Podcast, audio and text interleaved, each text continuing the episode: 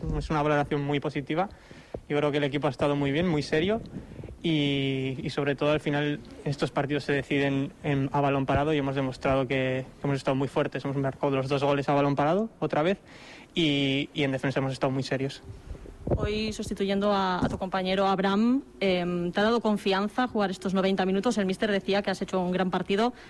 ¿Te da confianza para seguir luchando? Sí, al final siempre jugar y, y hacerlo bien da confianza. Yo al final estoy preparado para jugar en cualquier posición y, y así voy a estar. Así lo hablé con Bolo y Jorge y, y voy a aprovechar todas las oportunidades que tenga en el campo.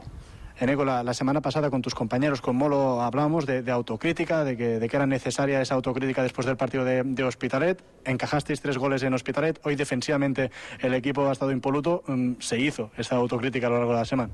Sí, sabíamos, sabíamos que no habíamos estado bien durante el partido y nos hemos centrado sobre todo en eso, la portería cero, porque al final tenemos mucha pólvora arriba y, los goles van a llegar. Entonces, si dejamos portería cero, la, la probabilidad de que ganemos los tres puntos es muy, es muy alta. Una curiosidad, ¿eh? Ha sido un partido duro la primera parte. ¿Tienes en la ceja un golpe? Eh, ¿Te han dado algún golpe fuerte o, o qué te ha pasado allí? No, esta la, la traigo de la pretemporada.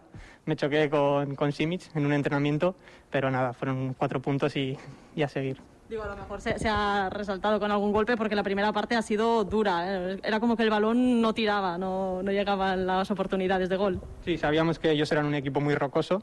En los dos partidos anteriores no habían encajado gol y sabíamos que, que teníamos que igualarles por lo menos en, en agresividad. Y así lo hemos demostrado. Pues... No,